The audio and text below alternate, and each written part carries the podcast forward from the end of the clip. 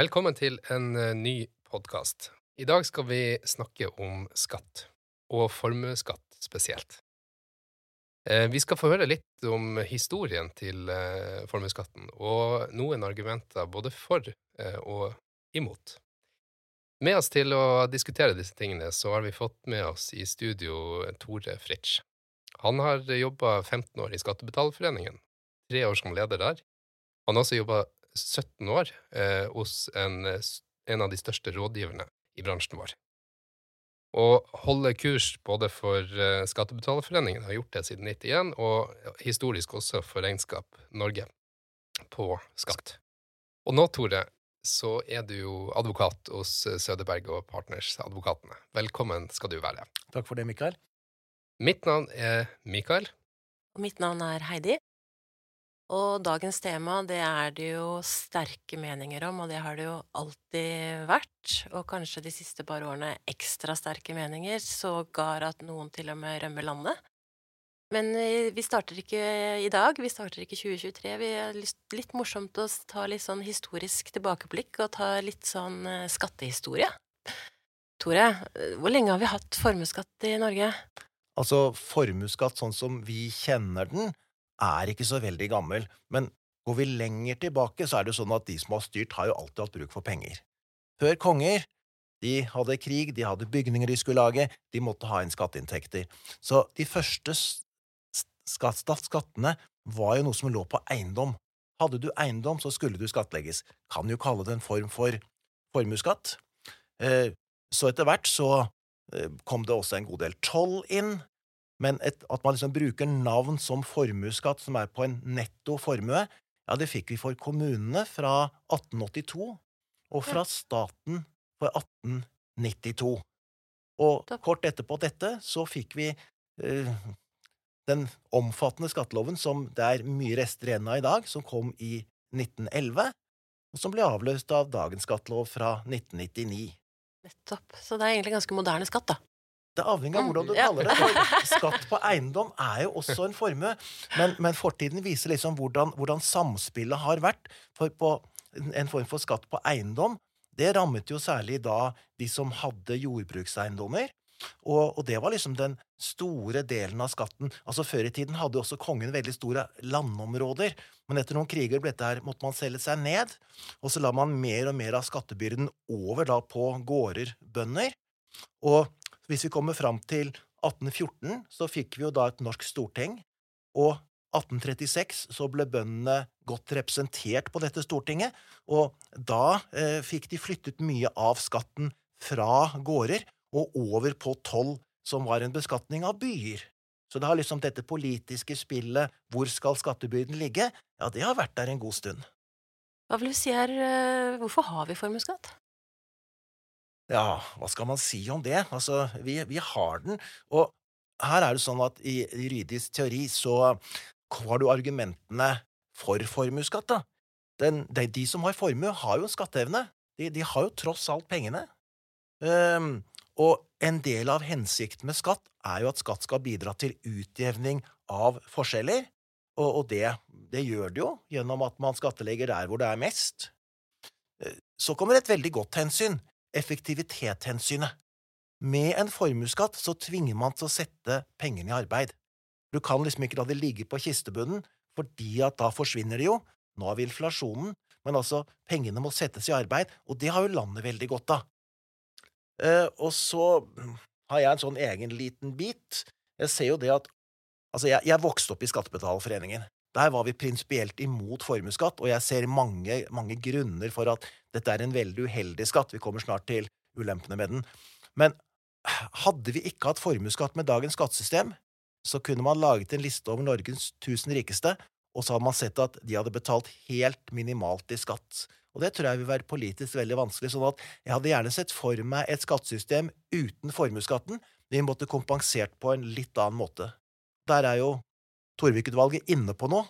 I sin innstilling til nytt skattesystem som de kom med for et år siden, så sa de at Norge må ned, kanskje ikke helt bort, men foreløpig ned på formuesskatten, og kanskje skal man da ha en arveavgift istedenfor. Argumentene mot formuesskatt, ja, det er fordi at det å ha formue er ikke det samme som å ha betalingsevne. Mye av formuen kan være knyttet opp til veldig illikvide ting, og da er det jo en utfordring.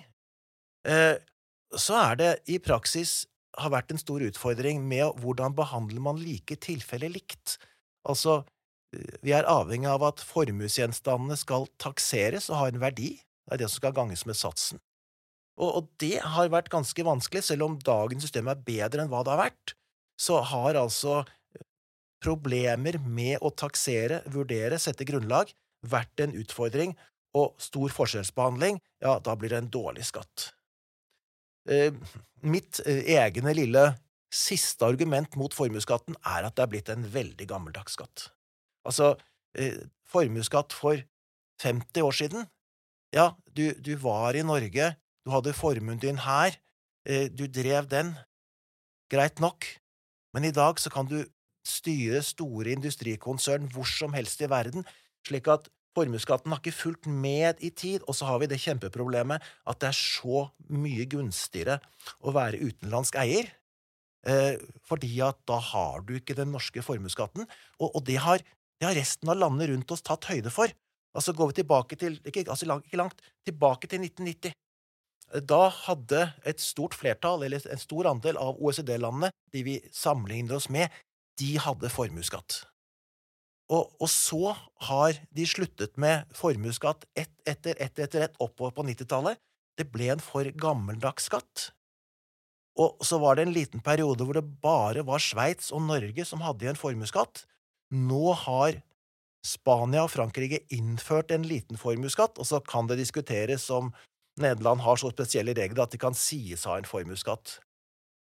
Men det de landene har istedenfor, det er at de har mer eiendomsskatt, de har mer arveavgift, og så kan man si at de er jo også en form for formuesskatt, så det er vanskelig sammenligner, men den som vi opplever på skatteseddelen, ja, den er vi relativt alene om, og så er Norge til de grader annerledeslandet.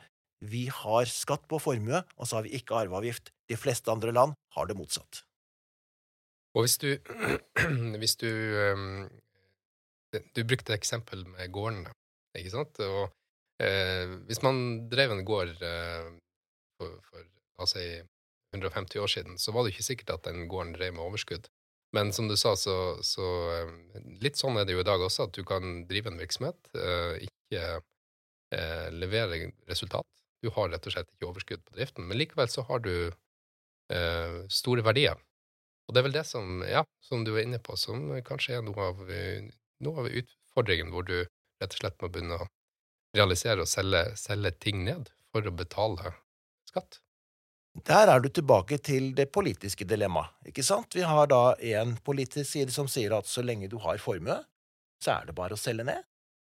Eh, og så har du den andre siden at eh, hvis du selger deg ned, så mister vi kanskje de som eh, skal gjennomføre disse investeringene, og, og så er det også dette her med har vært en diskusjon har formuesskatten økt, eller har den ikke økt? Eh, den siste målingen jeg har sett, så, så viser det seg at det er eh, altså de 10 eh, rikeste betaler 92 av formuesskatten, så det er jo klart det er, en, det er en skatt som treffer de som har mest. Men så blir det liksom en sånn De siste årene har vi nok gått fra at det har tippet litt over det, ja, for det er litt interessant, for i debatten, og debatter generelt, så hevdes det jo gjerne at uh, nei, altså formuesskatten, den er praktisk talt uendra. Satsen er uendra. Eh, satsen er uendra. Prosentvis, ja. Prosentvis er det, er det liten forskjell. Den har siden 92 svingt rundt 1% Vi har hatt 1,1, 1,2, 1,3, 0,85. Men den store forskjellen er rabatt på formuesgjenstandene. Fordi at når man ser på formuesskatten, så har vi et grunnlag, og hvis grunnlaget blir stort, så, så blir også skatten stor, selv om satsen ikke er så høy. Altså, hvis vi går tilbake til tidlig 90-tall, før 92, så hadde vi en formuesskattesats på 2,3% Det er jo mer enn det dobbelte av hva vi har i dag. Men grunnlagene var så lave og i tillegg så fikk du jo 14% rente i banken.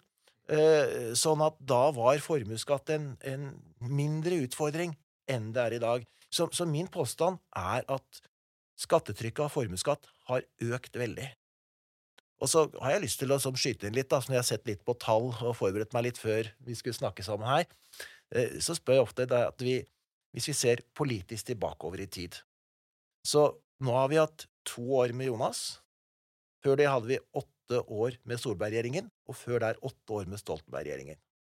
Og ser vi bare på den prosentvise økningen i formuesskatt, så kan vi først se på hvordan det var under Stoltenberg-regjeringen.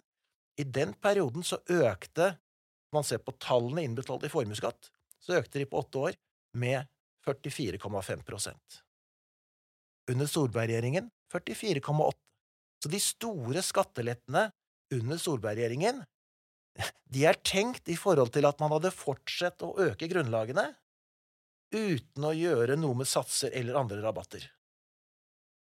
Og så skal vi sammenligne disse to åtteårsperiodene med en økning på rundt 45% med to år med Jonas. I forhold til budsjettet for 2023, det er jo ikke endelig ennå, så har man beregnet at formuesskatten kommer til å øke med drøyt 60 Det er på to år.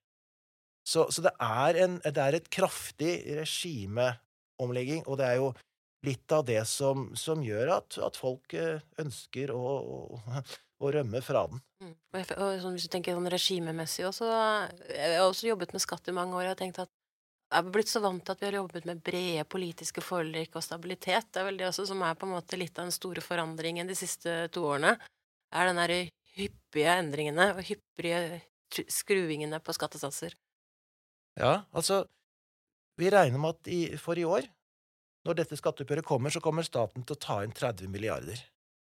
Når vi hører andre skattesatser, ekstra arbeidsgiveravgift 8 milliarder, hva de har fått inn ekstra i, i strøm, så er det jo langt høyere beløp.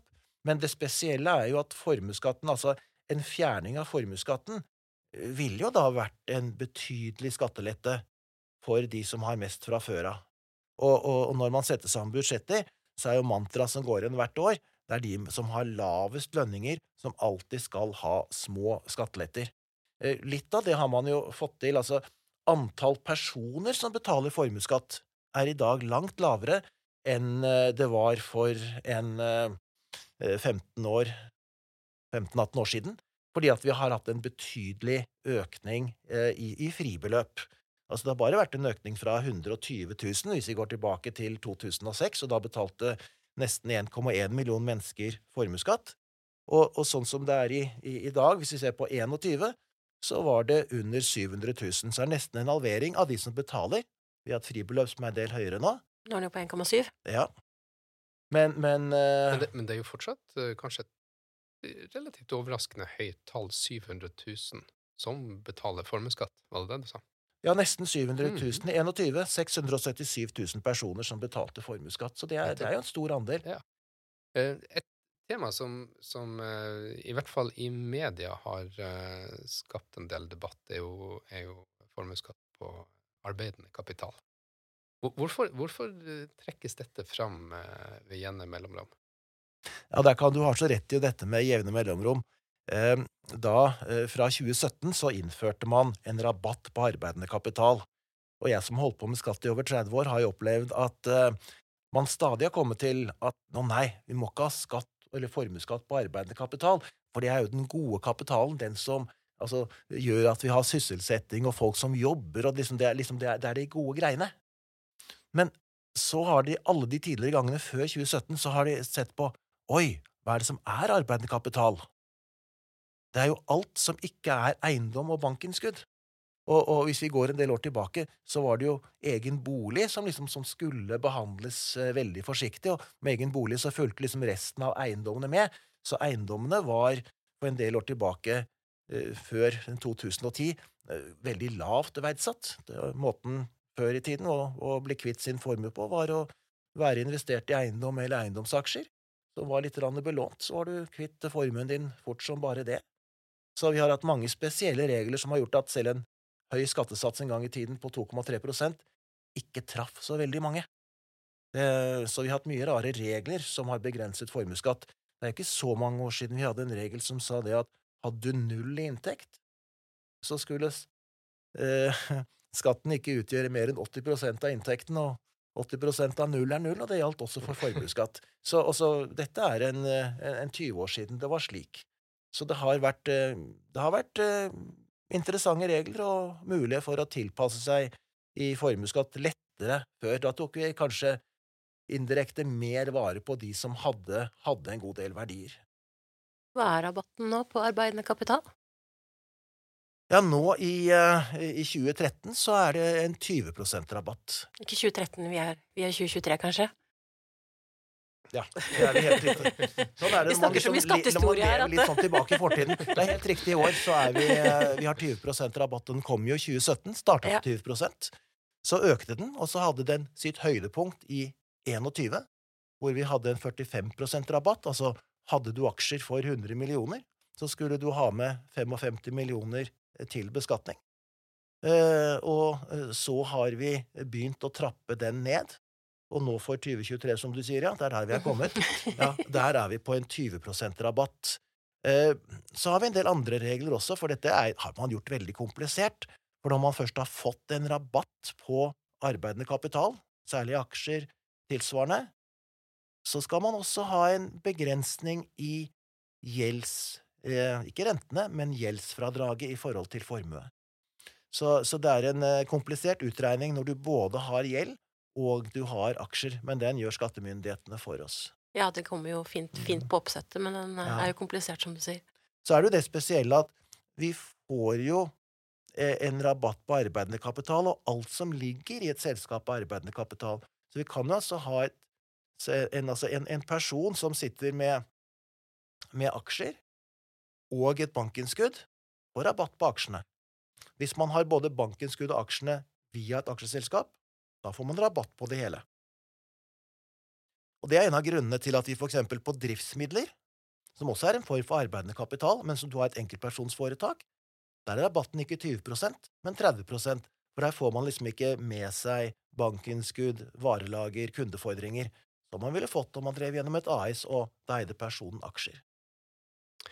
Du, du har trukket en del historiske linjer på, på formuesskatten, og i eh, i aksjemarkedet og obligasjonsmarkedet så er vi forsiktige med å spå. Men du nevnte jo Torvik-utvalget, og eh, det er vanskelig å sikkert si noe om det politiske bildet 10 og 15 år fram i tid. Men hvis du skulle, basert på dine, din erfaring, eh, gjort noen refleksjoner på hvordan, hvordan ser skattesystemet ut da, i forhold til formuesskatt, arveavgift og, og eh, kanskje også eiendomsskatt? Den økningen vi har hatt av formuesskatt, og med den utflytningen som har kommet, så syns jeg da at eh, formuesskatten har vist hvor skadelig den er i forhold til verdiskapning. Eh, og da kunne jeg ønske at politikerne skjønte at det er bedre å få 50% av 1000 enn å ta 100% av 100. Det må gå inn et eller annet sted.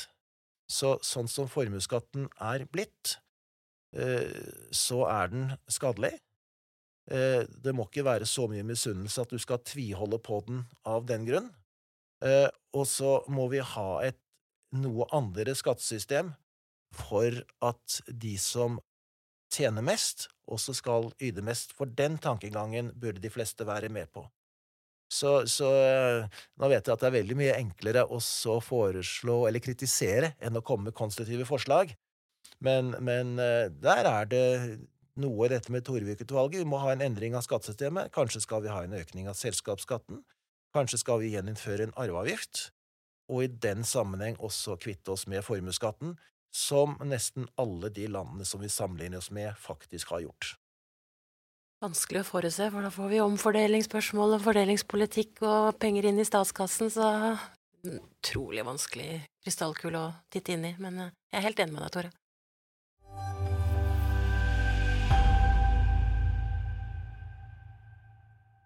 Ja, da skal vi prøve å avrunde litt, og da har vi litt, eh, hatt litt historiske linjer i denne episoden på formuesskatt og hensyn for og imot, og ligget kanskje litt sånn overordna tanker eh, på, på, dette temaet.